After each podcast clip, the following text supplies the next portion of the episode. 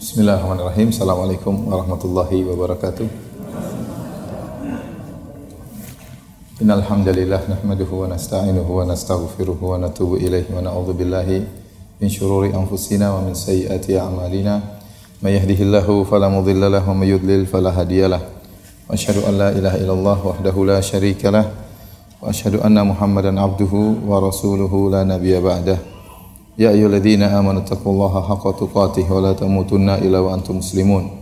Fa in asdaqal hadithi kitabullah wa khairal huda huda Muhammadin sallallahu alaihi wasallam. Syarrul umuri muhdatsatuha wa kullu muhdatsatin bid'ah wa kullu bid'atin dhalalah wa kullu dhalalatin finnar. Hadirin dan hadirat yang dirahmati oleh Allah Subhanahu wa taala, kita uh, melanjutkan pengajian kita masih pada bab yang ketiga, bab man haqqaqa tauhida dakhala al-jannata bighairi hisab. Barang siapa yang memurnikan tauhid, maka dia akan masuk surga tanpa hisab. Dan kita masuk pada dalil yang pertama, halaman 71 Inna Ibrahima kana ummatan qanitan lillah hanifa wa lam yakun minal musyrikin. Sungguhnya Ibrahim adalah seorang imam yang dapat dijadikan teladan lagi patuh kepada Allah dan hanif dan sekali-sekali ia bukanlah termasuk orang yang persekutukan Allah Subhanahu wa taala. Uh, di sini tatkala Syekh Muhammad bin Abdul Wahab menyebutkan tentang orang yang masuk surga tanpa adab dan tanpa hisab, maka beliau mencontohkan orang tersebut di antaranya adalah Nabi Ibrahim alaihissalam. Dan Nabi Ibrahim alaihissalam adalah teladan yang masuk surga tanpa hisab dan telah terkumpulkan kepadanya banyak sekali sifat-sifat yang mulia. Yang pertama beliau disifati dengan ummah. Karena ummatan.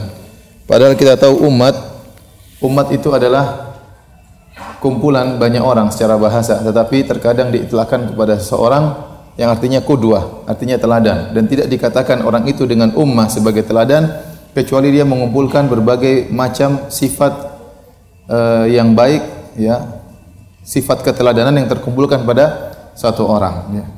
Jadi teladan dalam banyak hal, teladan dalam banyak hal maka dikatakan dengan istilah umat. Ada yang mengatakan Eh, Ibrahim dikatakan umat meskipun dia sendirian, ya dia waktu itu sendirian tidak banyak orang, cuma sendiri sendiri yang bertauhid tatkala di negerinya. Tetapi tetap dikatakan umat sebagai hiburan bagi dia bahwasanya engkau tidak bersendirian.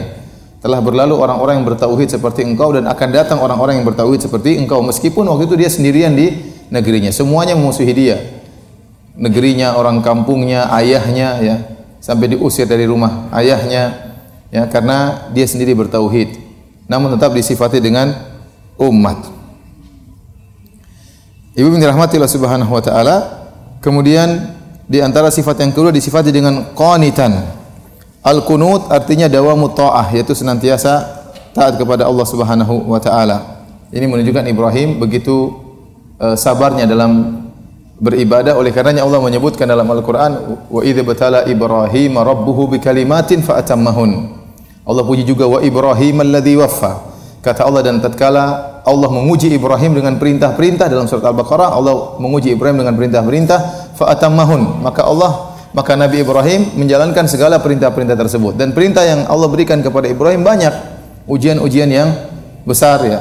Seperti ya harus apa namanya meletakkan anaknya Ismail di tempat yang jauh di Mekah sementara dia tinggal di uh, Palestina Kemudian perintah juga harus menyembelih putranya Ismail alaihissalam ya.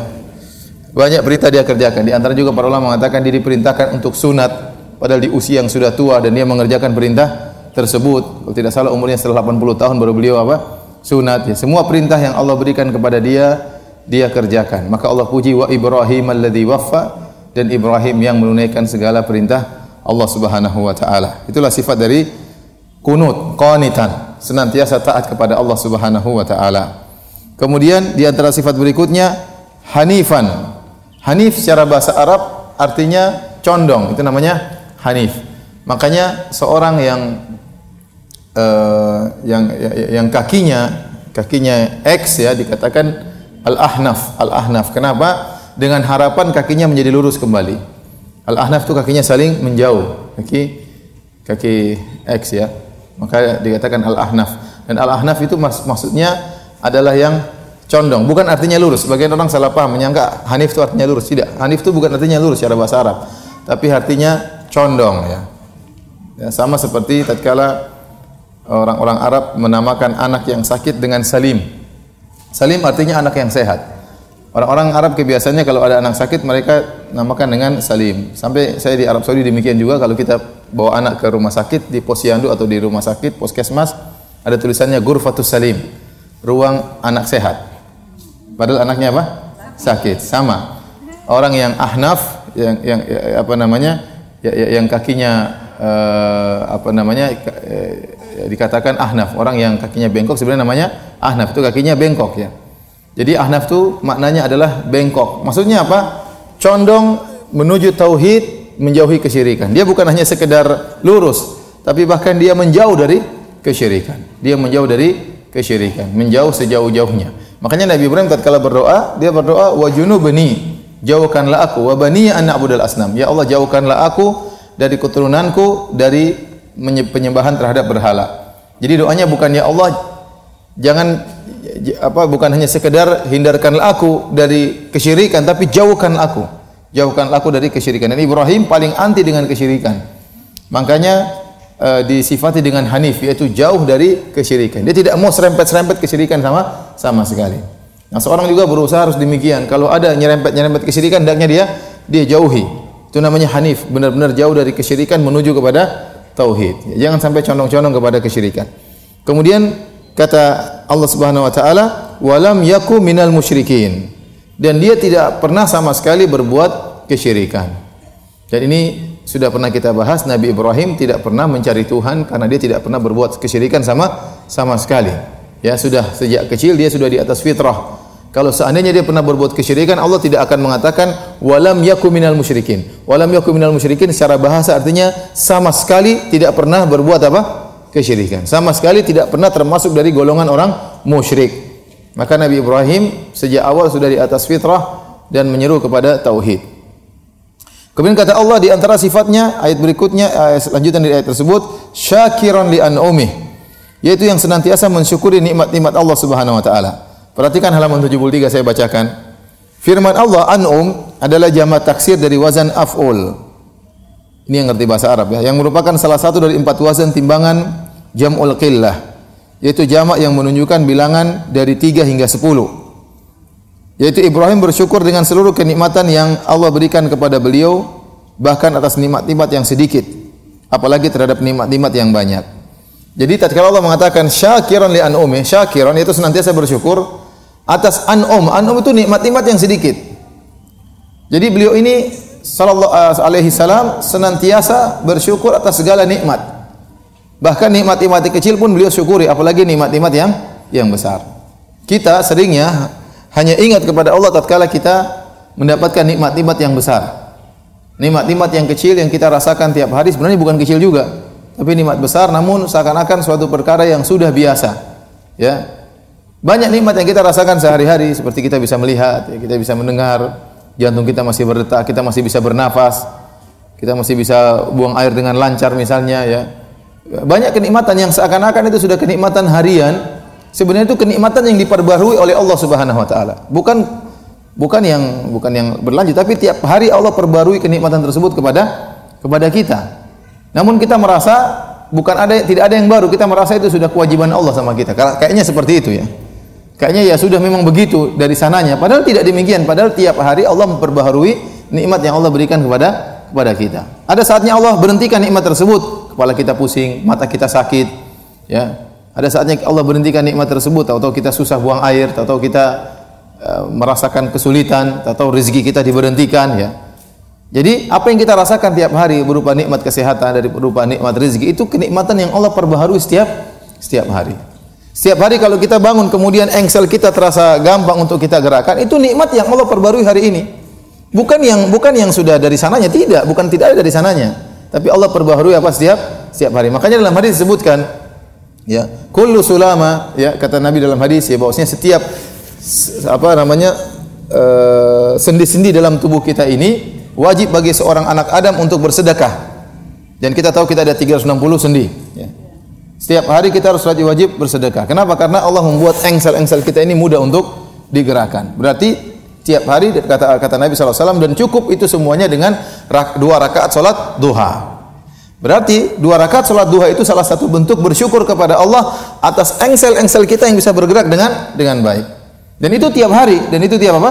Tiap hari. Berarti kenikmatan tersebut diulangi oleh Allah tiap apa? Tiap hari.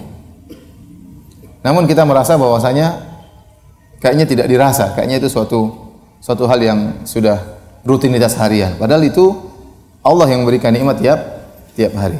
Maka kita berusaha untuk bersyukur atas nikmat-nikmat sekecil apa pun ya. Dalam hadis kata Nabi sallallahu alaihi wasallam, "Inna Allah la yarda an 'abdihi idza akala aklah fayahmadallah 'alaiha." Allah ridha, Allah suka dengan seorang hamba jika dia makan makanan kemudian dia memuji Allah.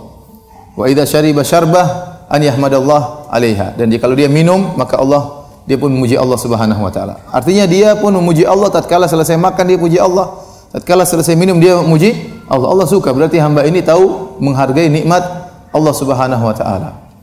Oleh karena ibu, bapak paling rahmatillah subhanahu wa taala sering kini sering lupa. Maka saya, saya pernah sampaikan seorang ulama ada yang pernah mengatakan kalau Anda supaya tidak lupa dengan nikmat Allah sekali-sekali Anda bangun di pagi hari tutup mata Anda kemudian masuk ke pergi ke toilet cari di mana apa namanya uh, macam-macam mencari sikat gigi, odol di mana ya, mana apa namanya untuk cukur ini alat cukur ya. Nanti tahu-tahu sikat gigi pakai alat cukur kan bahaya. Betapa nikmatnya pandangan yang Allah berikan kepada kita. Cuma kita sering gunakan untuk apa? Maksiat. Oleh karena para hadirin hadirat rahmatillah subhanahu wa taala di antara sifat Nabi Ibrahim dia bersyukur kepada Allah bahkan atas nikmat-nikmat yang kecil dia merasakan itu nikmat dari Allah Subhanahu wa taala. Berbeda dengan kebanyakan manusia yang mereka baru merasakan syukur kepada Allah tatkala merasakan nikmat-nikmat yang yang besar. Padahal nikmat-nikmat tersebut yang dia rasakan sehari-hari adalah nikmat dari Allah Subhanahu wa taala bukan datang dengan sendirinya. Ya, bukan datang dengan sendirinya. Taib. Karena memiliki lima sifat ini, maka Allah pun memberikan dia anugerah. Kata Allah, "Ijtabahu", Allah pilih dia menjadi seorang rasul, wa hadahu ila siratim mustaqim maka Allah menunjukkan dia kepada jalan yang lurus. Wa atainahu fid dunya hasanah, yaitu kami berikan dia kebaikan di dunia. Kata para ulama, yaitu dia dipuji, diagungkan di seluruh agama. Jadi Ibrahim ini adalah tokoh yang dicintai oleh kaum Nasrani, kaum Yahudi dan kaum mus muslimin. Semuanya mencintai Nabi Ibrahim alaihissalam. Ini adalah balasan yang Allah berikan kepada Nabi Ibrahim alaihissalam karena dia sendirian waktu di caci maki oleh umatnya, oleh kaumnya. Ya. Kalau Nabi Muhammad SAW masih banyak pengikutnya, Nabi Ibrahim tidak sendirian dia. Dia sendirian di negerinya. Melawan satu kampungnya, bayangkan ya, sendirian bertauhid ya. Orang bisa goyang kalau cuma sendirian. Jangan-jangan saya yang salah ini. Semua orang lain saya ikut sendiri lain sendiri. Tapi Ibrahim tidak, dia sendirian dan dia cuek, dia tidak peduli. Ya, mungkin di, di dicerca oleh mereka, tapi sekarang Allah berikan dia ya zikrul hasan yaitu senantiasa dikenang dengan kenangan yang baik. Wa innahu fil akhirati laminas salihin. Dan di akhirat dia akan termasuk orang-orang yang saleh penghuni surga. Kemudian kata Allah thumma auhayna ilaika an ittabi' millata ibrahim hanifa. Lalu kami wahyukan kepada engkau wahai Muhammad ikutlah ajaran Ibrahim yang hanif yang condong dari kesyirikan menuju tauhid. Wa ma kana minal musyrikin. Dan dia tidak pernah termasuk dari orang-orang yang musyrik jadi saking hebatnya Ibrahim, maka Ibrahim dijadikan teladan bagi Nabi sallallahu alaihi wasallam. Nabi disuruh untuk ikut siapa? Ibrahim. Luar biasa. Allah tidak menyebutkan nabi-nabi yang lain ya. Allah tidak menyebutkan nabi-nabi yang sebelum Nabi Ibrahim. Nabi-nabi yang lain juga hebat, tetapi Ibrahim luar biasa. Makanya tidak ada yang dijadikan kekasih oleh Allah kecuali dua nabi, Ibrahim dan Muhammad. Kata Allah Subhanahu wa taala, "Wattakhadallahu Ibrahim khalila." Allah menjadikan Ibrahim sebagai kekasih. Dan Nabi Muhammad SAW mengatakan, Inna Allah takhadhani khalilan kama takhadha Ibrahim khalila. Allah telah menjadikan aku sebagai kekasihnya, sebagaimana Allah telah menjadikan Ibrahim sebagai kekasihnya. Walau kuntu muttakhidan khalila min ummati, lattakhadhu Abu Bakrin khalila. Kalau saya boleh mengambil kekasih dari umatku, aku akan mengangkat Abu Bakar sebagai kekasihku. Walakin sahibukum khalilur rahman. Tetapi aku, sahabat kalian ini adalah kekasih Allah Subhanahu wa taala. Kata Nabi sallallahu alaihi wasallam. Karena luar biasa Nabi Ibrahim ini ya. Kita kisahnya luar biasa diuji pada perkara-perkara yang sangat dia cintai. Saya tidak bisa bayangkan bagaimana dia menikah dengan Sarah. Kemudian ya puluhan tahun tidak punya anak. Kemudian tiba-tiba dia menikah dengan Hajar, Allah kasih anak. Sudah puluhan tahun dia menikah. Setelah punya anak terus disuruh pergi, bawa jauh, suruh taruh di Mekah. Anak yang dia tunggu selama ini puluhan tahun, puncak kecintaannya kepada anak tersebut yang dia nanti-nantikan ternyata disuruh taruh di di tempat jauh. Pulang tidak bawa anak, sudah tinggal lagi sama istrinya Sarah. Nanti baru kemudian Sarah melahirkan Ishak. Tapi bayangkan anak tunggu puluhan tahun kemudian taruh di Mekah jauh ya, kemudian pulang balik ke istrinya tanpa ada anak sama sekali. Kemudian setelah anaknya sudah dewasa ya. Ya. Alamma balagha ma'ahu sa'ya tatkala anaknya sudah mulai dewasa dan mulai membantu ayahnya tiba-tiba disuruh untuk nyembelih sang anak.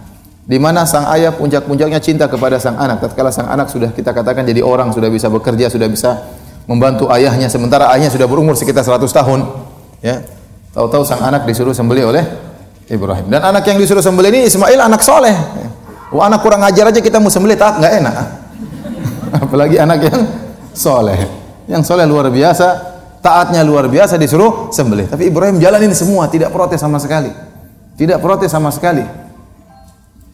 Dan ini kisahnya tersendiri. Intinya, ya Ibrahim ini adalah ya tokoh yang sangat luar biasa maka dipuji oleh seluruh agama baik Nasrani maupun apa?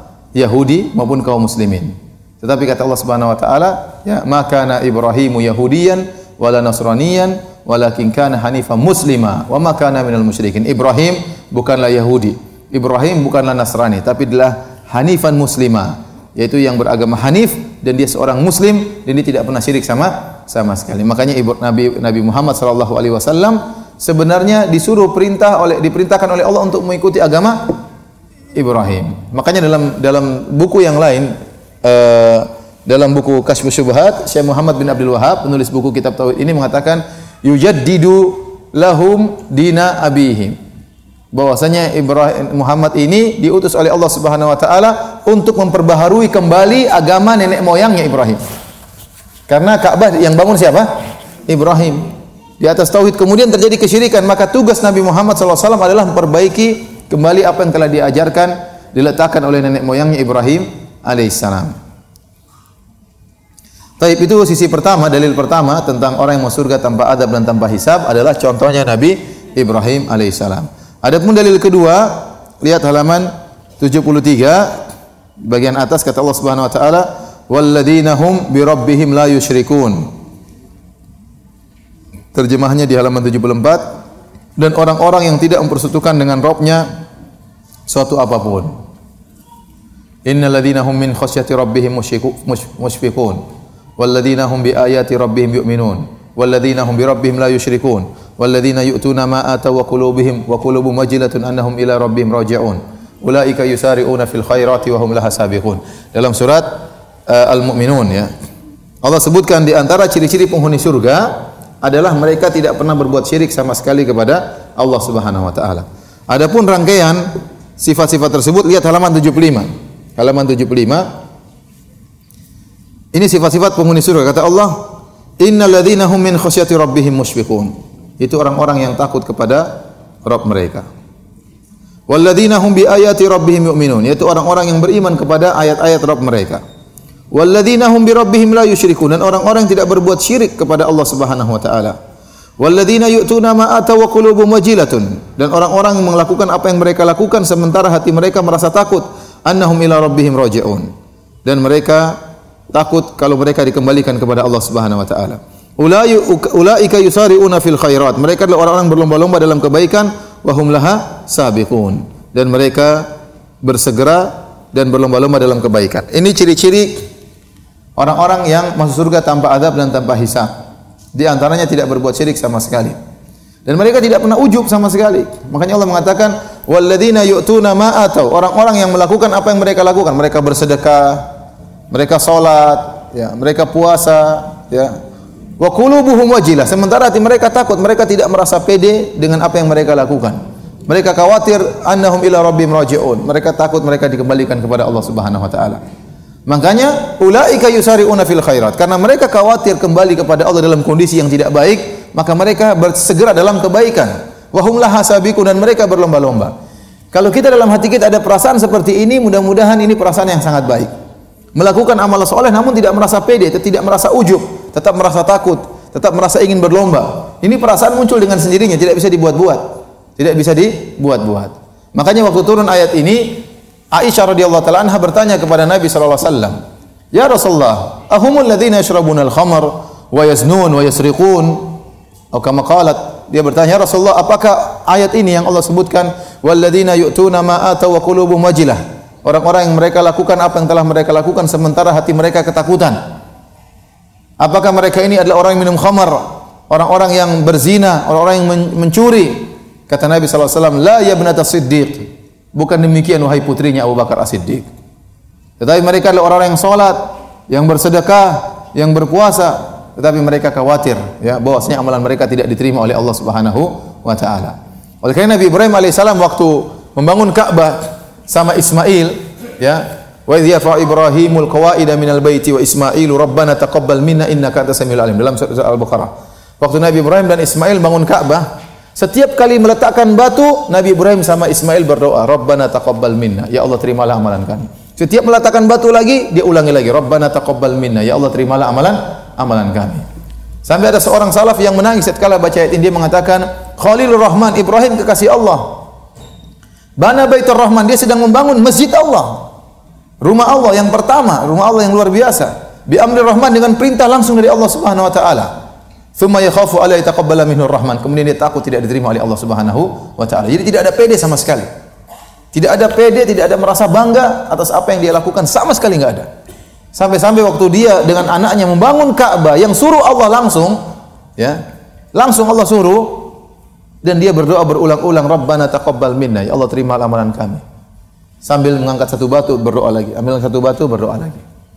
Jadi seorang kalau sudah beramal soleh ibu-ibu sudah sudah umrah sudah haji berdoa sujud kepada Allah ya Allah terimalah amalanku. Sudah bersedekah nih kita bersedekah.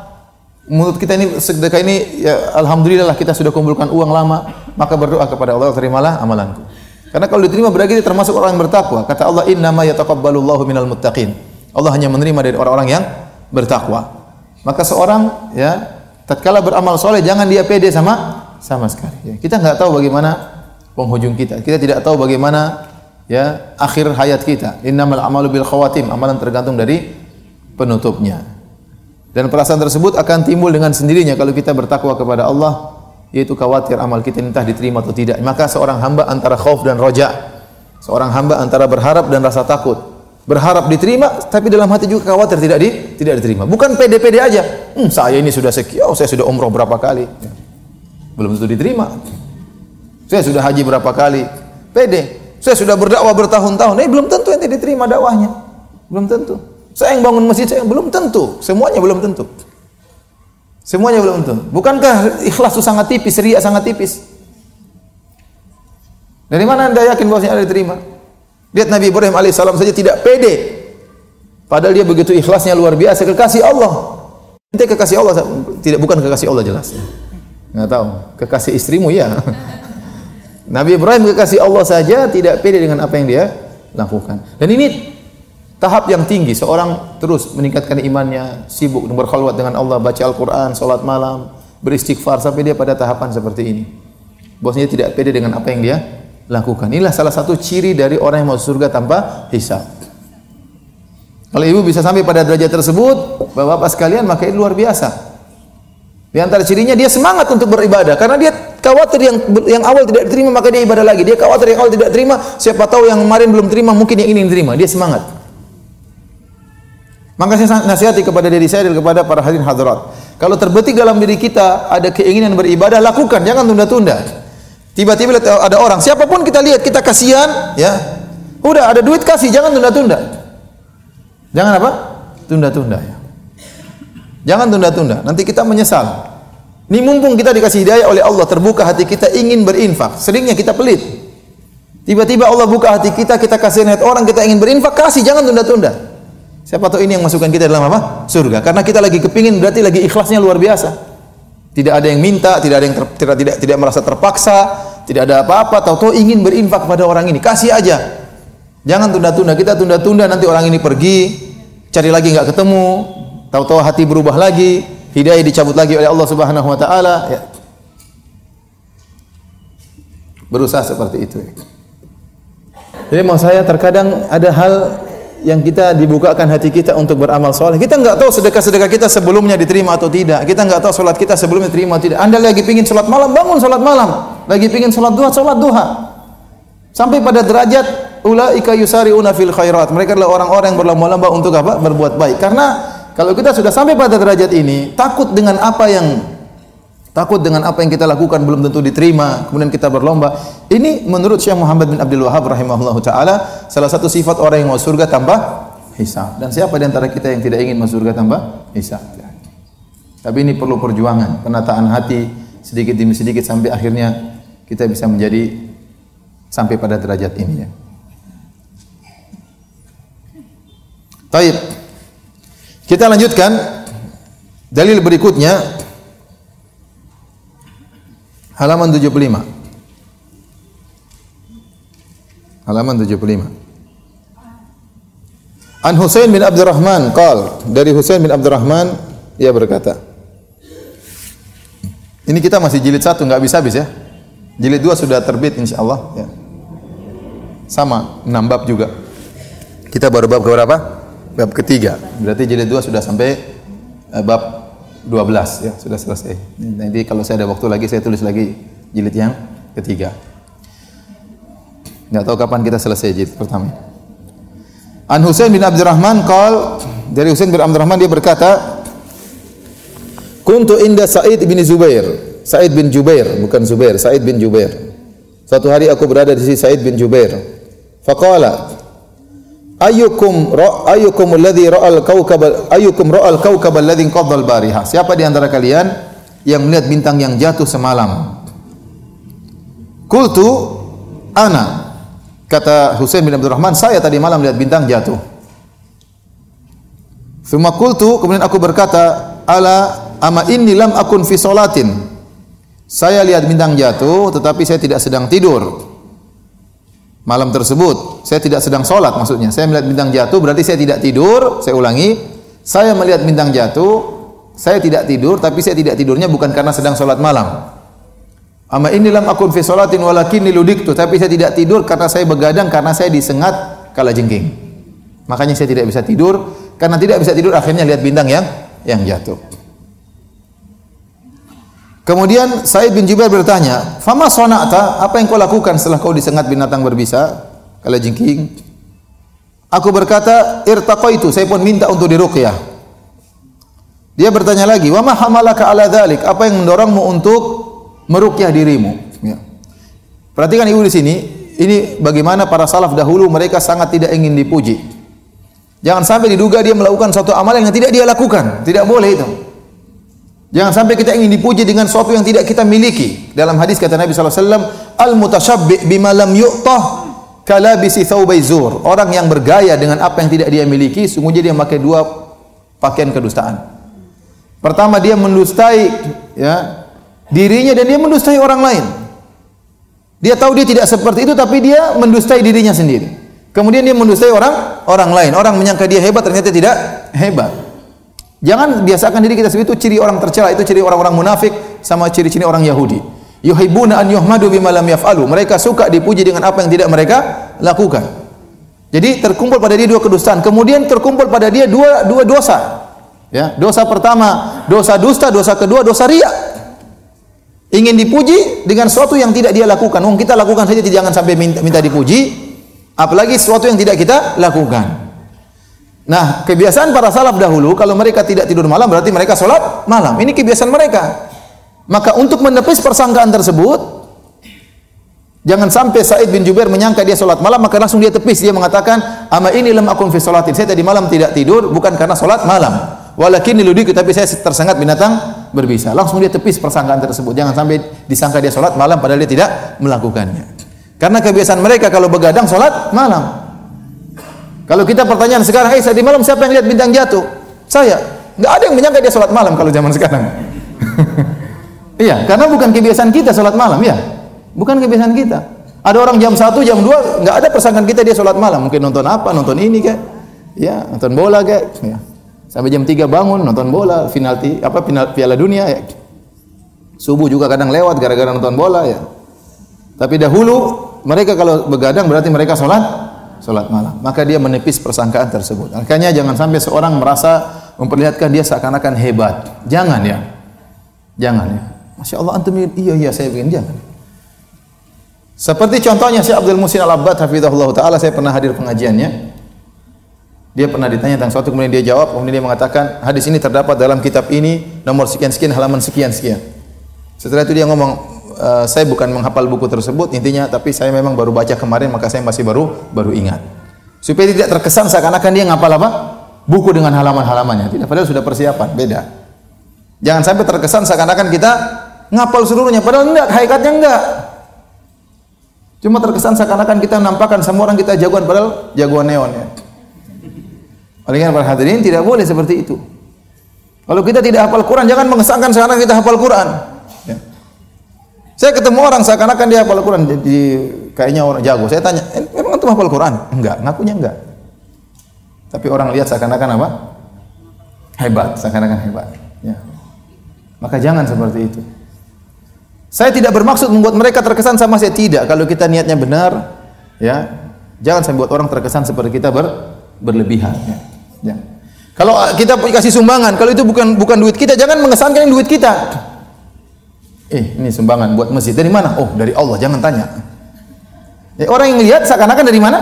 Kita. Bilang aja ini ada yang nitip, ini bukan duit saya. Selesai. Apa susahnya? Ini bukan duit saya, ini ada yang nitip, dia kasih bantuan buat buat antum, bukan dari saya. Kasih tahu supaya yang dibantu tidak menyangka uangnya dari mana? Dari kita. Ya. Kamu sudah hafal berapa juz? adalah. Bilang aja nggak punya hafalan, kenapa? Ada orang sangka 20 juz, 15 juz. Padahal juz amma pun tidak selesai. Sama juz terong, sama juz mangga, sama juz yang lainnya. Tidak bilang aja saya belum hafal, masih 30 juz juga belum selesai. Ya, baru tiga kul alhamdulillah ya. Ya, maksudnya. Jadi jangan sampai kalau kita mengucapkan sesuatu terkesan kita hebat, jangan. Jangan tidak boleh. Wong kita saja melakukan sesuatu ingin dipuji nggak boleh, apalagi ingin dipuji dengan sesuatu yang tidak kita lakukan. Tidak boleh. Tidak boleh. Di antara tanda keikhlasan kita, kita menepis perasaan seperti itu dari orang. Jangan sampai orang menyakiti kita lebih daripada yang se seharusnya. Ya. Ini menimpa orang-orang yang soleh, menimpa para ustadz, sehingga dia disangka hebat, disangka ini, padahal tidak tidak demikian. Oleh karena para hadirin hadirat yang Allah Subhanahu wa taala, maka dia mengatakan, "Ama ini lam akun fi salatin." Saya dulu tidak saya tidak sedang salat. Begadang malam hari, walakinni ludiktu, tapi saya sedang disengat binatang berbisa. Maka Said bin Jubair bertanya, "Wa ma sana'ta? Apa yang kau lakukan?" Ini biasa. Gombrol di antara mereka. Kata dia, "Irtaqaitu, saya minta untuk diruqyah." Said bin Jubair bertanya lagi, "Wa ma hamalaka ala dzalik? Apa yang membuat engkau untuk minta diruqyah. Apa dalilmu? Kira-kira demikian. Apa dalilmu? Ini biasa. Seorang diskusi tanya dalilnya apa? Ada enggak dalilnya? Ya. Jangan langsung bilang kamu tidak percaya sama saya. Ya. Saya ini kan kiai, saya ini kan ustadz, masa enggak percaya sama saya? Eh, kalau ada tanya dalil, kita bilang ada dalilnya. Mana? Saya lupa, tapi saya akan carikan misalnya. Tidak usah angkuh, kemudian tidak usah apa? Sombong. Ya. Tanya dalil, orang berhak untuk bertanya tentang dalil. Ada yang ngajarin amalan-amalan, tanya dalilnya ada atau tidak. Kalau enggak ada, ya bilang enggak ada. Kalau ada, ada. Maka dia mengatakan had, qala haddatsani an Buraidah bin Husayb qal la ruqyata illa min ainin aw humatin. Ya ada dalilnya. Sebuah hadis yang disampaikan oleh Al Buraidah bin Husayb, Buraidah bin Husayb dari Nabi sallallahu alaihi wasallam di mana Nabi bersabda la ruqyata illa min ainin aw humatin. Tidak ada ruqyah yang ampuh kecuali karena penyakit ain, mata jahat atau karena sengatan binatang berbisa.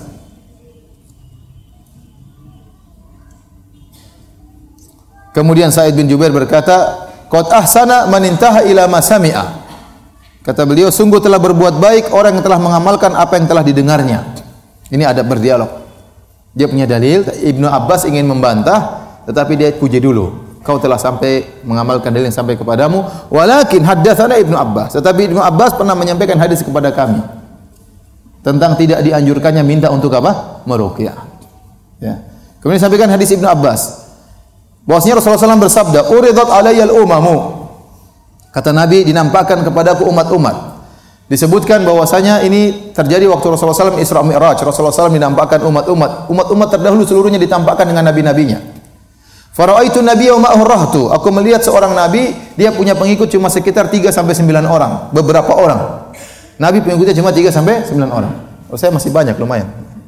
Itu cuma 3 sampai 9 orang, beberapa orang. Wa niya wa nabiyya ma'ahu rajul wa rajulani. Ada nabi pengikutnya cuma dua orang, ada nabi pengikutnya cuma satu orang. Wa nabiyya wa laysa ma'ahu dan ada seorang nabi tidak ada pengikutnya sama sama sekali. Jalan sendirian, enggak ada pengikut, semuanya semua umatnya mendustakan dia. Tidak ada pengikutnya sama sekali. Nabi Nuh alaihissalam berapa tahun berdakwah? 950 tahun, lama sekali. Dan umatnya kurang ajar sama Nabi Nuh alaihissalam.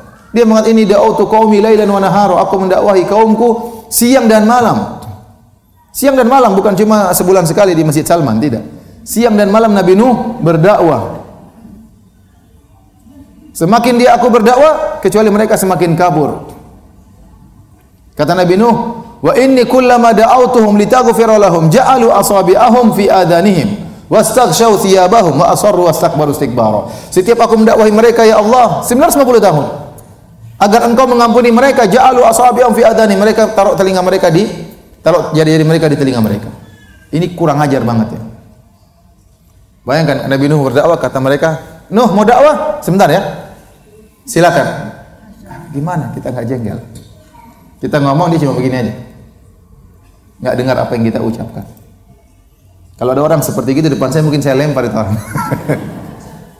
saya saja ustadz, jangan kan ada orang tutup telinganya. Saya lagi ngisi pengajian depan saya ada main-main WhatsApp, saya aja jengkel ini orang. kita lagi ceramah setengah mati dia main apa? Baca, baca sendiri ya. Kan berarti nggak sopan apalagi begini. Nabi Nuh lagi ngomong dia ambil kain tutup kepalanya, dia tidak mau dengar Nabi Nuh. Dan yang beriman kepada Nabi Nuh cuma sedikit. Falabitha fihim alfa sanatin illa khamsina ama. Kata kata Allah, Nabi Nuh berdakwah 950 tahun. Yang beriman fama wa ma amana ma'ahu illa qalil. Yang beriman cuma sedikit. Cuma sedikit. Disebutkan cuma 80 orang. 80 orang dari 950 tahun apa berdakwah. Ini wan nabiyya wa laysa ma'ahu Ada seorang nabi tidak ada pengikutnya sama sekali. Idru fi ali sawadun azimun. Tiba-tiba dinampakkan kepadaku jumlah yang sangat besar. Fadhanantu annahum ummati, maka aku menyangka itu adalah umatku. Faqila li hadza Musa wa qaumuhu. Maka dikatakan kepadaku itu bukan umatmu wahai Muhammad, tapi itu adalah Musa dan kaumnya. Ini dalil bahwasanya umat terbanyak setelah umat Nabi Muhammad adalah umat Nabi Musa. Fanadhartu fa idza sawadin azim, tiba-tiba aku melihat ke arah yang lain ada kumpulan yang banyak lagi. Faqila li maka dikatakan kepadaku hadhihi adi ummatuk ini adalah umatmu. Jadi Nabi diperlihatkan masa depan pada hari kiamat kelak seperti apa. Bahwasanya nabi, setiap nabi dikumpulkan bersama umatnya masing-masing. Maka dikatakan kepadaku hadhi ummatuk inilah umatmu.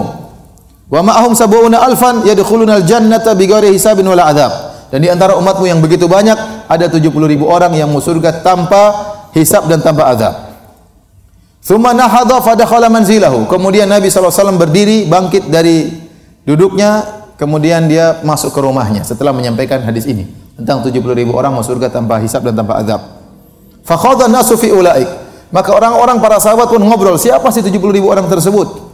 Faqala ba'dhum, sebagian mereka berkata, fala'allahumul ladzina sahibu Rasulullah. Mungkin 70 ribu orang tersebutlah orang-orang yang bersahabat dengan Nabi, yaitu kaum muhajirin yang menemani Nabi dari awal dari Mekah sampai ke ke Madinah, teman-teman dekat Nabi sallallahu alaihi wasallam.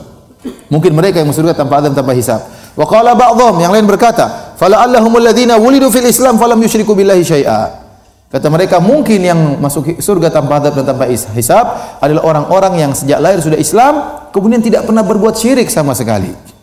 Wa asya'a kemudian mereka menyebutkan dugaan-dugaan yang lain. Perhatikan di sini para sahabat waktu ngobrol siapa 70 ribu orang ini? Sebagian mereka mengatakan itu para sahabat Nabi Berarti mereka memang mengagungkan para sahabat Nabi sallallahu alaihi wasallam terutama para sahabat dari kaum Muhajirin yang menemani, menemani Nabi sejak awal Islam Nabi sallallahu alaihi wasallam. Kemudian yang kedua tafsiran mereka itu orang yang masuk Islam tidak pernah berbuat syirik sama sekali. Berarti mereka tahu bahayanya apa? Kesyirikan dan mereka tahu kemuliaan orang yang tidak berbuat syirik. Namun ternyata dua tafsiran ini keliru. Kalau dua tafsiran ini benar, sudah kita nggak masuk ya. Kita bukan sahabat Nabi sallallahu alaihi wasallam, ya. Tapi sahabat antum sekalian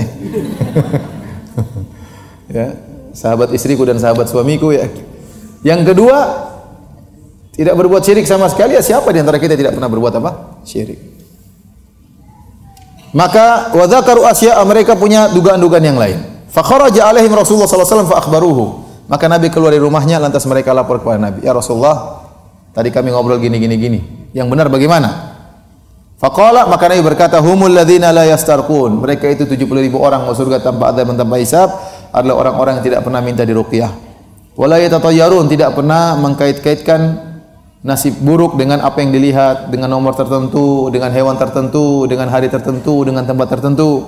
Wala yaktawun dan mereka tidak pernah meminta untuk disembuhkan dengan kai itu dengan besi yang dibakar atau dipanaskan. Wa ala rabbihim yatawakkalun dan mereka bertawakal kepada Rabb mereka. Faqama Ukashatu ibn Mihsan. Maka ada seorang sahabat namanya Ukasha atau Ukasha bin Mihsan. Dia berdiri, dia berkata, Udu Allah ini jalani minhum. Ya Rasulullah doakan saya termasuk dari 70 ribu orang tersebut. Kata Rasulullah SAW, anta minhum. Kau termasuk. Subhanallah. Kalau saya hadir di sini juga, ya Rasulullah saya juga. Saya juga. Semua kala rajulun akhar. Kemudian ada yang bertanya lagi. Udu Allah yang jalani minhum. Ya Rasulullah doakan saya termasuk dari 70 ribu orang tersebut kata Nabi sabaqaka kabiha Ukasyah kamu sudah kedahuluan si Ukasyah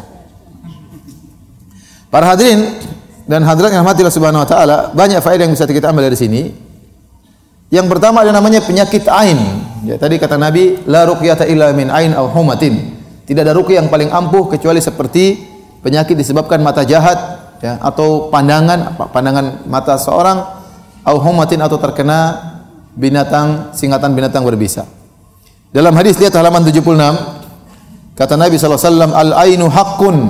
Ain itu musibah yang disebabkan karena pandangan mata itu benar adanya. Walau kana syai'un sabaqal qadar sabaqatul ain. Kalau ada sesuatu yang bisa mendahului takdir, maka itu adalah al-ain. Wa idza stuksiltum faksilu. Kalau kalian diminta untuk mandi maka mandilah. Ini bukan berarti ain mendahului takdir, tidak. Ini hanya mubalaghah. Rasulullah SAW menyampaikan hiperbola bahwasanya ain itu benar adanya dan itu memang termasuk dari takdir. Sama seperti Rasulullah SAW mengatakan la yaruddu doa la yaruddul qada illa doa. Tidak ada yang bisa menolak takdir kecuali apa? Doa. Padahal doa bagian daripada takdir. Cuma Rasulullah ingin menjelaskan doa itu sebab paling utama menentukan nasib seseorang. Padahal nasibnya sudah ditentukan oleh Allah dan doanya juga juga ditentukan oleh siapa? Allah Subhanahu wa taala. Sama kata Nabi, seandainya ada yang bisa mendahului takdir maka itulah ain, bukan ain keluar dari takdir, tidak semuanya sudah ditakdirkan, tapi ain ini sangat benar kenyataannya. Nyatanya benar-benar terjadi. Ya, bukan persangkaan tapi benar ter terjadi. Fa idza stuksiltum faksilu. Kalau kalian diminta untuk mandi maka mandilah. Maksudnya apa?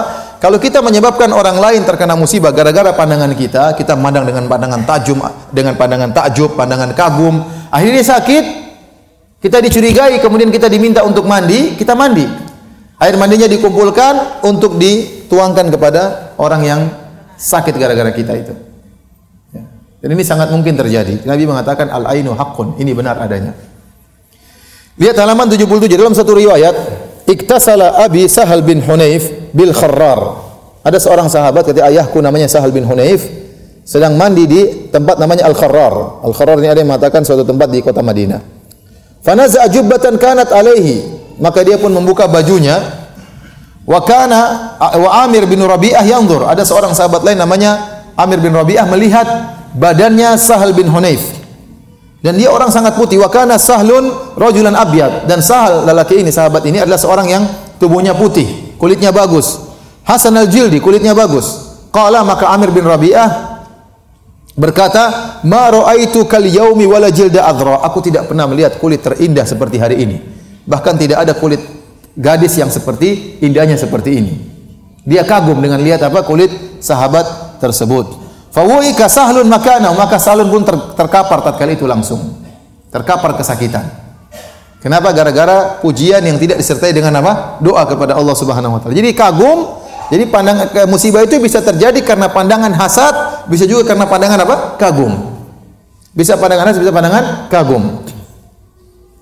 Fawuika sahlun makanahu, maka sahal pun jatuh terkapar tatkala itu fashtadda wa'quhu dan semakin keras sakitnya fa utiya Rasulullah sallallahu alaihi wasallam fa ukhbiru anna sahlan wuika. Maka Nabi didatangkan di, di, dikabarkan kepada Nabi bahwasanya sahal sakit wa annahu ghairu ra'ih dan dia tidak bisa pergi bersama engkau wahai Rasulullah. Fa'atahu Rasulullah SAW, maka Rasulullah SAW pun datang kepada Sahal yang sedang sakit. Fa akhbarahu Sahal, Sahal cerita, tadi saya begini, saya lagi mandi, tahu-tahu ada Amir bin Rabi'ah ngomong demikian, akhirnya saya terkapar. Kemudian Rasulullah SAW berkata, "Alama yuqtalu ahad, ayaqtulu ahadukum akhahu?" Allah barokta. Kenapa salah seorang dari kalian mencelakakan saudaranya? Kenapa dia tidak berdoa keberkahan tatkala kagum terhadap saudaranya? Innal aina hakun. Sungguhnya musibah yang terkena akibat pandangan mata itu benar adanya, tawaddu lahu, berwudulah untuk dia. Maka Amir fatawaddu ala Amir bin Rabi'ah. Amir bin Rabi'ah tadi akhirnya dia berwudu, kemudian airnya dikumpulkan sisa wudunya, ya, Bahkan dalam sebagian riwayat ya dimasukkan juga di bawah apa? Di bagian dalam pinggangnya airnya dikumpulkan baru kemudian ditumpahkan kepada siapa? Sahal bin Hunayf. Maka dia pun sembuh. Dalam yang lain fa amara amiran ayatawadda maka Nabi memerintahkan Amir untuk berwudu. Fa ghassala wa ilal mirfaqain. Maka dia mencuci mukanya cuci tangannya sampai ke eh, kedua lengannya. Wa rukbataihi. Kemudian dia cuci juga kedua lututnya wa dakhilat kemudian dia masukkan air di bagian pinggangnya kemudian dikumpulkan airnya wa amarahu an yasubba alaihi kemudian diperintahkan air tersebut dituangkan kepada Sahal bin Hunayf. Ya maka dia pun sembuh. Makanya bisa jadi kita mungkin kita tidak berniat buruk tapi kita mungkin lagi datang ke rumah teman kita kagum lihat anak kita, anak teman kita. Cantiknya luar biasa atau gantengnya luar biasa atau putihnya luar biasa atau pintarnya luar biasa kita pandangan dengan pandangan khusus. Bisa jadi kita merasakan Pandangan takjub sama anak ini kita lupa mengatakan tabarakallah ahsanul khaliqin Allahumma Allah yubarik fi lupa kita masya Allah tabarakallah. Kita lupa ngomong demikian. Tahu-tahu dia sakit. Tahu-tahu dia sakit. Maka kalau kita merasa itu sebab kita maka kita berwudu kita antar air tersebut tolong coba tuangkan pada anakmu. Khawatir gara-gara saya. Atau kalau orang tuanya mencurigai kita tadi kayaknya nggak ada apa-apa. Setelah si fulan datang kok sakit. Ya. jangan-jangan kena ain dia. Coba kita minta dia agar mandi kumpulkan airnya. Maka kalau kita dimintai mandi, kita harus mandi. Jangan kita bilang ente suudzon, ente curiga saya enggak apa-apa kok. Tidak boleh. Kata Nabi, fa idza stuksiltum faksilu. Kalau kalian diminta untuk mandi maka mandilah. Ya bisa jadi memang karena kita, bisa jadi karena karena kita. Kita enggak tahu. Gara-gara pandangan kita yang luar biasa kagum sama anak ini, artinya anak ini pun sakit. Ada anak pintar tiba-tiba bisa bodoh kan gara-gara kita gawat. Ada orang gemuk tahu-tahu kempes gara-gara kita kan. Oh, itu banyak yang mau kalau begitu kenain. Jadi para hadirin hadirat yang mati Allah Subhanahu wa taala itu namanya al-ain. Bisa dikena disebabkan karena pandangan hasad dan bisa juga disebabkan karena pandangan takjub. Pandangan apa? Kagum sementara orang yang mandang lupa untuk mengucapkan tabarakallahu ahsanul khaliqin atau Allah yubarik fik atau masya Allah tabarakallah barakallahu alaik misalnya dan seterusnya. Tapi di antara faedah yang bisa kita ambil juga ya bahwasanya meminta untuk diruqyah adalah perkara yang mubah, perkara yang boleh minta untuk minta untuk diruqyah tapi mengeluarkan seorang dari 70 ribu golongan. Karena 70 ribu golongan yang masuk surga tanpa adab dan tanpa hisap ini adalah golongan spesial. Sudah pernah kita jelaskan kemarin, dia bukan hanya meninggalkan yang haram bahkan yang makruh pun dia tinggalkan. Dia bukan hanya melakukan yang wajib bahkan yang sunnah-sunnah pun dia tinggalkan. Minta rukyah makruh, dia boleh, boleh itu makruh tapi tidak haram ya. Tetapi seorang kalau ingin termasuk 70 ribu golongan maka jangan dia minta rukyah kepada orang lain ya. Adapun kalau merukyah orang atau ada orang datang nawarin untuk rukyah maka enggak apa-apa. Yang yang yang yang, yang makruh kalau minta. Kalau kita meruqyah orang enggak apa kata Nabi wasallam man istata'a minkum man istata'a minkum an yanfa'a akhahu falyafal halaman 81. Barang siapa di antara kalian yang mampu untuk beri manfaat kepada saudaranya maka lakukanlah ya. Karena tatkala ada seorang sahabat berkata, "Ya Rasulullah, arki, ya Rasulullah, bolehkah saya meruqyah?" Kata Nabi, barang siapa yang mampu beri manfaat kepada saudaranya lakukan. Ini berarti pengobatan. Dokter kalau ikhlas dapat pahala banyak, orang yang meruqyah juga kalau ikhlas dapat pahala banyak karena dia mengobati. Ruqyah adalah bagian dari apa? Pengobatan. Apalagi orang terkena sihir. Ya Allah, sihir itu kurang ajar benar ya. Saya punya teman sekarang ada istrinya sakit-sakitan. Ya, dia mencurigai pembantunya. Karena pembantunya apa namanya? ngancam sebelum pergi. Sekarang jadi kurus kering. Makanya memang benar penyihir itu dibunuh harusnya apa? Hadus sahir darbatun bisayf ya. Apa hukuman bagi penyihir adalah dipenggal, harusnya dipenggal. Karena bikin gelisah banyak orang. Orang disantet, orang ini terpisah antara suami dan istri, ribut antara kakak dan adik, antara anak dengan orang tua gara-gara apa? Sihir. Ya. Maka kalau kita bisa membantu orang yang tersihir tersebut, kita ruqyah, maka baik. Kita menyelamatkan dia, menyelamatkan kehidupannya, membuat dia kebahagia, bahagia kembali. Tadinya sedih, tadinya sakit dan macam-macamnya. Ya. Tidak mengapa kalau kita meruqyah atau ada orang datang menawarkan untuk meruqyah kita tidak jadi masalah. Yang makruh adalah kalau kita minta apa? Ruqyah. Kenapa kalau kita minta ruqyah seakan-akan kita meminta seakan-akan hati kita terkait bahwasanya yang menyembuhkan orang ini. Maka kita berusaha tidak minta untuk diruqyah. Tetapi para ulama mengatakan seperti Syekh bin Bas rahimahullahu taala ya. Kalau dalam kondisi terdesak maka tidak mengapa dia minta ruqyah. Lihat perkataan Syekh bin Bas halaman 83 saya nukilkan. Walakinil istirqa la yamna'u kaunahu minal sab'in wal istirqa talabu ruqyah. Akan tapi meminta ruqyah tidak menghalangi seorang termasuk dari 70 ribu orang. Wal istirqa talabu ruqyah. Istirqa adalah minta ruqyah. Wa idza da'atil hajatu ila hadza fala ba's. Kalau ada keperluan mengharuskan kita minta ruqyah tidak mengapa. An-Nabi sallallahu alaihi wasallam amara Aisyah an tastarqi. Nabi pernah nyuruh Aisyah untuk minta ruqyah. Dan Nabi tidak mungkin menyuruh Aisyah keluar dari 70 ribu golongan. Dan Aisyah sangat dicintai oleh Nabi sallallahu alaihi wasallam. Bahkan nanti satu surga dengan Nabi sallallahu alaihi wasallam. Jadi istri Nabi sallallahu alaihi wasallam. Wa amara ummu auladi Ja'far yaitu dan Nabi juga pernah menyuruh ibunya anak-anaknya Ja'far yaitu uh, apa namanya uh, sahabiyah uh, Asma binti Umais radhiyallahu anha untuk meminta ruqyah agar meruqyah anak-anaknya Ja'far. Karena Ja'far setelah meninggal Ja'far bin Abi Thalib dalam perang Mu'tah anak-anaknya kurus-kurus. Nabi lihat ini kenapa anaknya kurus-kurus Coba di ruqyah, suruh minta ruqyah. Nabi suruh dia minta apa? Suruh ibunya untuk minta ruqyah. Berarti dalam kondisi terdesak kita boleh nggak jadi masalah. Hukum asalnya minta ruqyah makruh dan bisa mengeluarkan orang dari 70 ribu golongan. Tapi kalau dalam kondisi terdesak boleh. Karena Nabi pernah menyuruh Aisyah untuk minta apa? Ruqyah, pernah menyuruh Asma binti Umais juga minta ruqyah. Sama seperti hukum asalnya kita minta bantuan orang juga makruh, enggak boleh. Asalnya kita kerjakan sendiri, jangan minta sedikit-sedikit minta bantuan sama orang minta makan sama orang enggak tapi kalau dalam kondisi terdesak tidak ada makanan sama sekali. Dalam kondisi kita susah maka kita boleh minta bantuan sama orang. Bahkan minta boleh. Karena dalam kondisi apa? Terdesak. Seperti waktu ada wanita datang kepada Aisyah radhiyallahu taala anha kemudian minta makan Aisyah melihat rumahnya tidak ada apa-apa cuma satu butir korma maka Aisyah kasih butir sebutir korma tersebut kepada wanita ini. Dia minta. Kenapa? Dia kelaparan. Lantas dia membelah korma tersebut diberikan kepada dua putrinya maka Nabi memuji wanita ini. Nabi menyatakan orang seperti ini bisa masuk surga. Kenapa? Karena sabar merawat kedua putrinya. Nabi tidak mencela. Kenapa dia minta-minta? Karena memang dalam kondisi apa? Terdesak. Paham? Jadi kita bukan kebiasaan kita minta-minta tolong, tidak boleh. Seorang berusaha jalanin sendiri. Ya. Seorang berusaha jalanin sendiri. Ya. Tetapi dalam kondisi tertentu, kalau dia memang tidak bisa, sesekali dia minta tolong tidak jadi masalah. Sama, bukan kebiasaan kita minta diruqyah. Tapi dalam kondisi terdesak, seorang boleh minta ruqyah. Ini pendapat Syekh bin Bas rahimahullahu taala dan pendapat sebagian ulama. Yang lebih utama kita tidak minta ruqyah sama sama sekali, ya.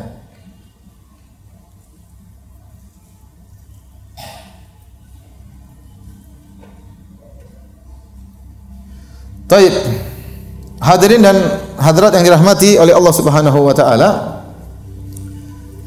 Ternyata yang masuk surga tanpa hisab dan tanpa adab jumlahnya berapa? 70 ribu. Itu banyak atau sedikit? Banyaklah daripada seribu. 70 ribu itu banyak, banyak. Ya, tapi dibandingkan dengan jumlah manusia sangat apa? Sedikit ya. Kemungkinan kita masuk sangat kecil sekali. Apalagi jumlah manusia kaum muslimin dari awal ya Nabi berdakwah sampai hari kiamat sangat banyak. Sekarang aja jumlah kaum muslimin sudah berapa?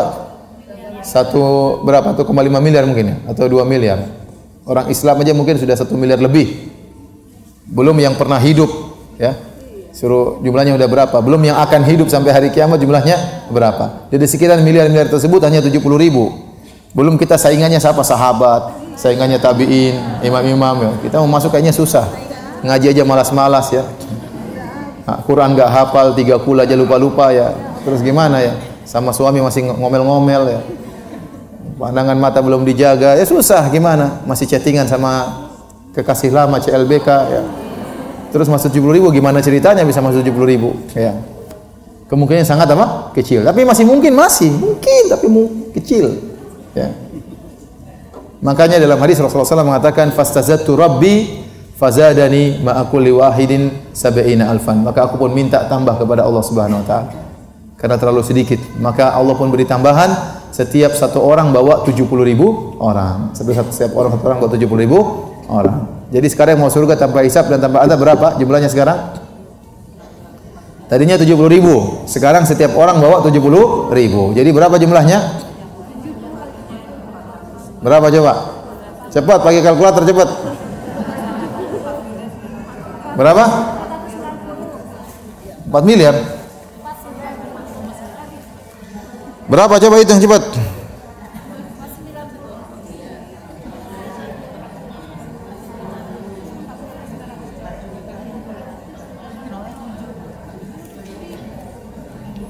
Empat nolnya jadi berapa?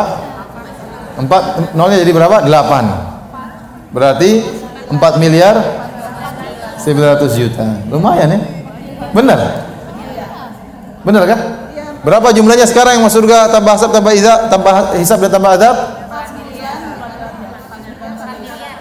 4 miliar 900 juta? Salah. Siapa tahu yang berapa jumlah yang benar berapa? Matematikanya nggak beres semuanya.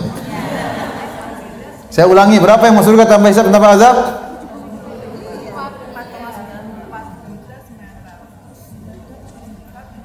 Ya, itu yang benar. 4 miliar 900 juta 70 ribu. Yang ngajak-ngajak nggak dihitung awalnya. Dia yang ngajak malah dilupakan. Jadi kalau yang masuk surga 4 miliar 900 ribu 70 900 juta 70 ribu maka kemungkinannya besar. Mudah-mudahan masih ada kemungkinan meskipun ya persaingannya ketat ya. Belum saingan sama ustadz-ustadz, belum saingan sama kiai-kiai, belum saingan sama orang-orang yang suka puasa sunnah, yang suka sedekah ya. Tapi rahmat Allah itu apa? Luas ya. Kita berdoa semoga kita termasuk dari 70 ribu atau orang-orang yang masuk surga tanpa adab dan tanpa bisa. Hadis ini juga menunjukkan tentang akhlak mulia dari Nabi SAW sekaligus cerdasnya Nabi SAW. Waktu Ukasha bin Mihsan berkata, Ya Rasulullah, udu Allah, udu Allah an yajalin minhum. Ya Rasulullah, doakan aku termasuk dari 70 ribu orang. Kata Nabi, anta minhum, kau termasuk dari mereka. Datang yang lain, Ya Rasulullah, doakan saya juga. Nabi ingin nolak, tapi Nabi tolaknya halus. Kata Nabi, sabaqaka biha ukasha. Kamu sudah kedahuluan ukasha. Jadi orang ini tidak tersinggung. Coba kalau Nabi bilang, oh kamu tidak, oh langsung stres dia. Oh kamu tidak, oh selalu tidak hijau. Kalau Nabi bilang kamu juga, nanti yang lain, saya juga, saya juga, saya juga.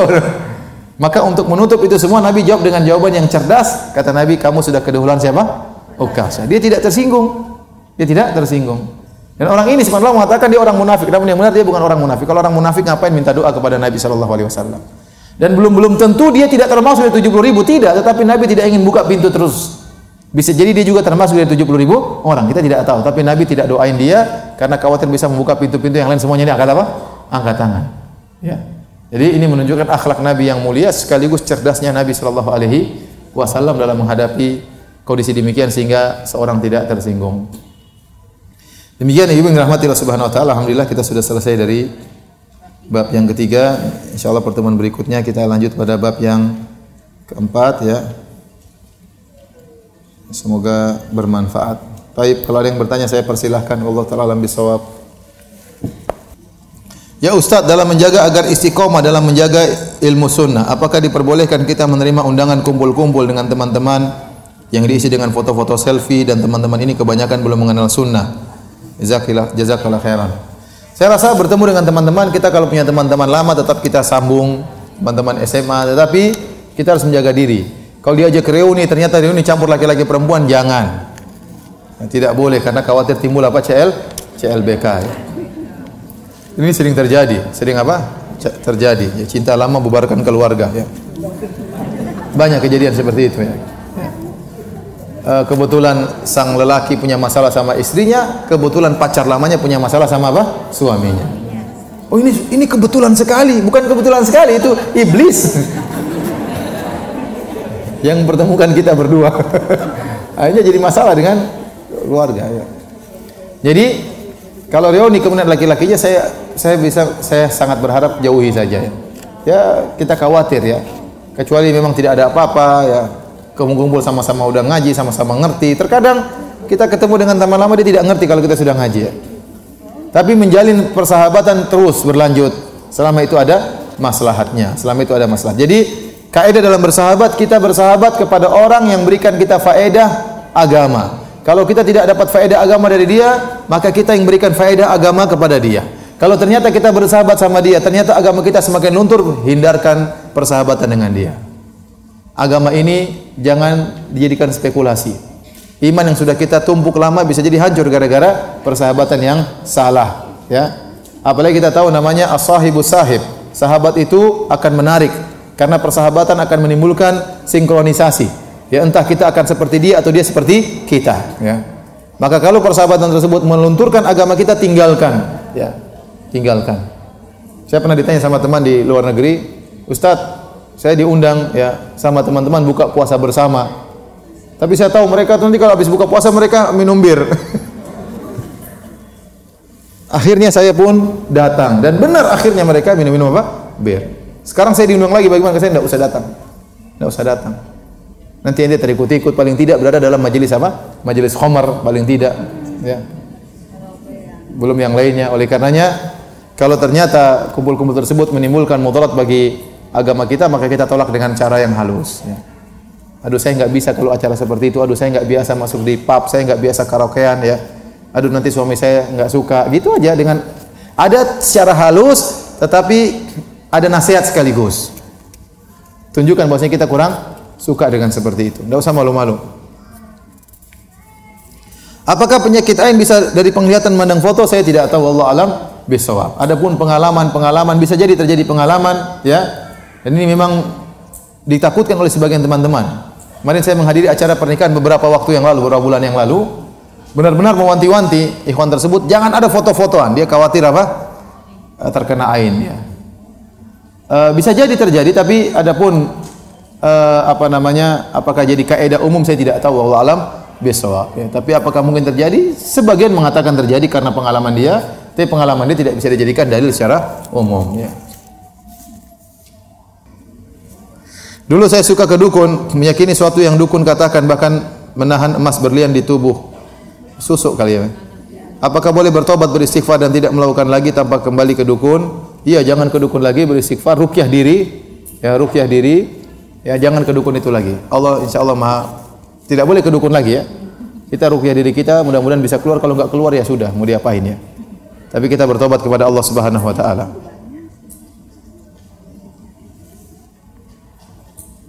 Ada anak perempuan yang sedang dekat dengan laki-laki kafir. Dia berjanji laki-laki tersebut akan masuk Islam. Harus bagaimana? Suruh masuk Islam dulu. Suruh masuk Islam dulu, suruh ngaji yang benar, sholat yang benar baru boleh. Kalau enggak enggak boleh. Kalau enggak nikahnya tidak tidak sah. Perempuan tidak boleh laki dengan laki-laki dengan nikah dengan laki-laki kafir. Dan banyak bodoh seperti itu. Sengaja dia masuk Islam, nanti dia nikahi, kemudian dia menjadikan istrinya mengandung. Setelah itu dia balik lagi, istrinya sudah tidak bisa berkutik karena malu, akhirnya ikut agama suaminya. Jadi dua syarat putri kita pun harus agamanya benar, yang kedua itu laki-laki harus benar juga. Laki-laki harus benar, benar juga. Saya punya kawan kemarin ngobrol ya, dia dulu non muslim ya, Nasrani.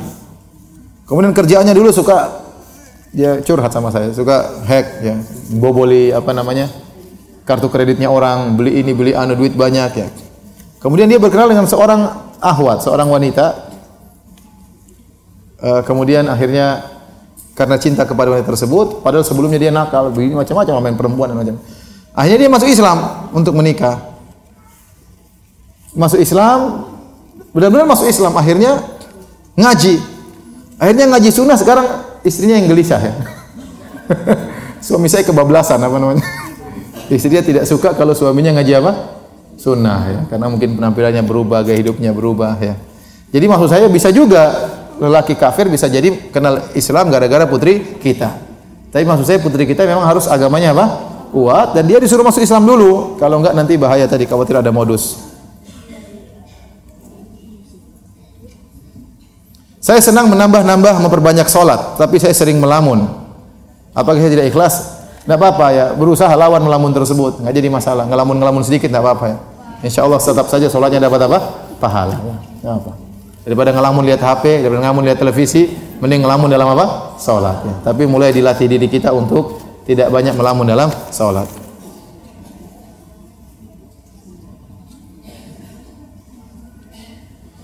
Saya pernah dengar bahwa hukuman Allah atas orang-orang yang mendolimi orang lain dan durhaka kepada orang tua akan dipercepat di dunia ini. Kalau sudah dihukum ini, apakah akan dihukum lagi di akhirat? Iya. Dalam hadis disebutkan tidak ada hukuman yang paling berat yang segera disegerakan oleh Allah seperti hukuman memutuskan silaturahmi dan mendolimi orang lain. Beserta dengan hukuman yang Allah tunda bagi dia di akhirat. Berarti dapat hukuman dua kali. Di dunia di mana? Di akhirat. Yang kalau seorang sudah dihukum tidak dihukum lagi di dunia seperti apa? Seperti hukum hudud. Ada orang berzina, kemudian dia diraja mati, sudah tidak akan dihukum lagi di di akhirat. Paham? Ada orang mencuri tangannya dipotong selesai, dia tidak akan lagi dihukum di akhirat. Tapi kalau mendolimi orang lain, ya ada hadis khusus menyebutkan bahwasanya dia dihukum di dunia dan juga di akhirat nanti. Ustaz air kencing kucing apa termasuk najis?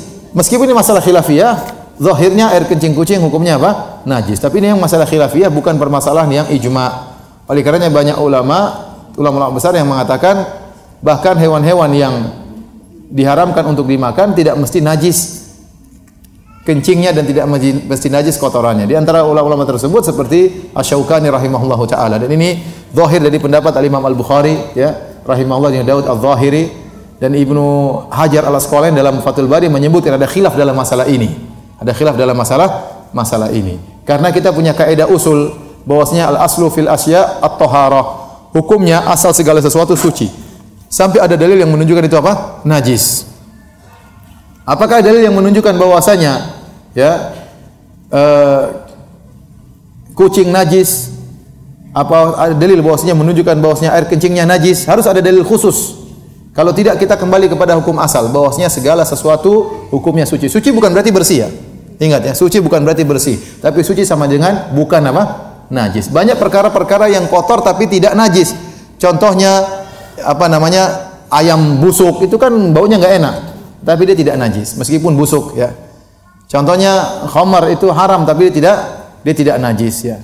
Contohnya mungkin ada uh, apa namanya? Uh, apalah banyak yang busuk, banyak yang tidak enak tapi dia tidak najis. Contohnya kentut, kentut juga tidak najis ya. Kalau ada kena angin kita apa harus dicuci? Enggak kan? Ini artinya banyak perkara yang dia busuk dan bau tapi bukan apa? Najis. Dari situ sebagian ulama berpendapat yang benar-benar najis datang dalam hadis cuma kencing manusia.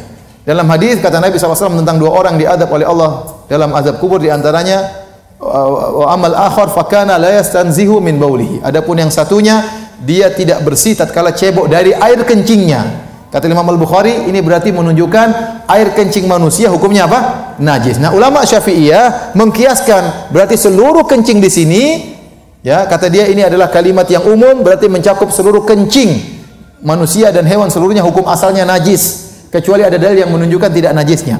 Maka ulama Syafi'iyah membalikan perkaranya. Berdasarkan hadis ini min baulihi Adapun satu orang ini dia diazab di kuburan karena tidak bersih dari kencingnya. Maka dipahami oleh Syafi'iyah ini mencakup seluruh kencing. Berarti hukum asal seluruh kencing hewan yang bisa dimakan atau hewan yang tidak bisa dimakan hukumnya najis dan mereka berpendapat dengan pendapat ini. Al Imam Al Bukhari membantah. Al Imam Al Bukhari mengatakan ini kencing bukan kencing hewan, tapi Nabi sedang berbicara tentang kencing apa manu?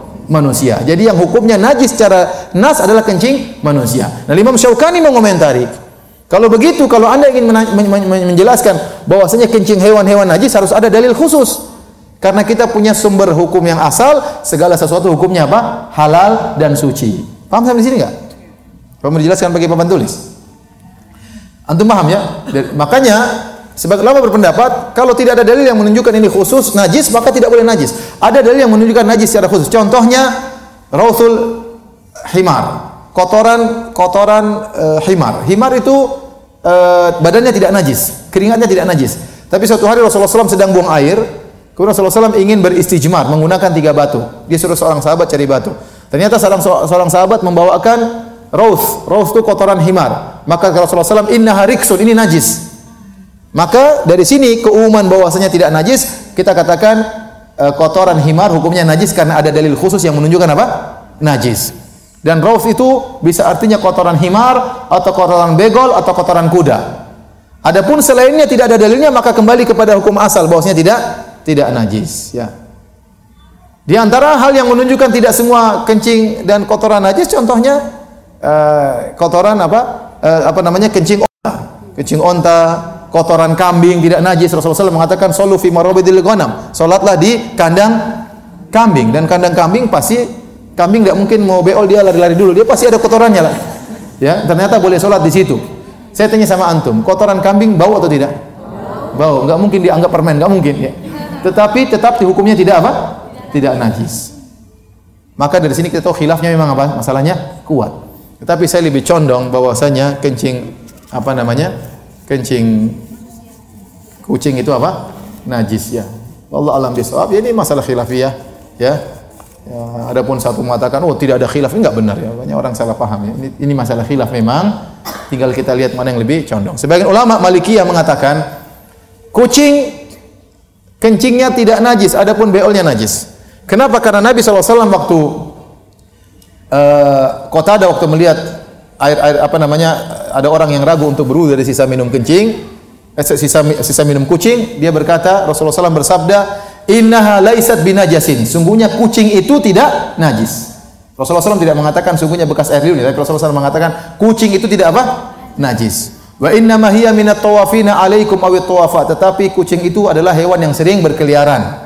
Sehingga bisa dipahami Rasulullah seakan-akan menjelaskan kucing ini tidak najis karena dia sering apa?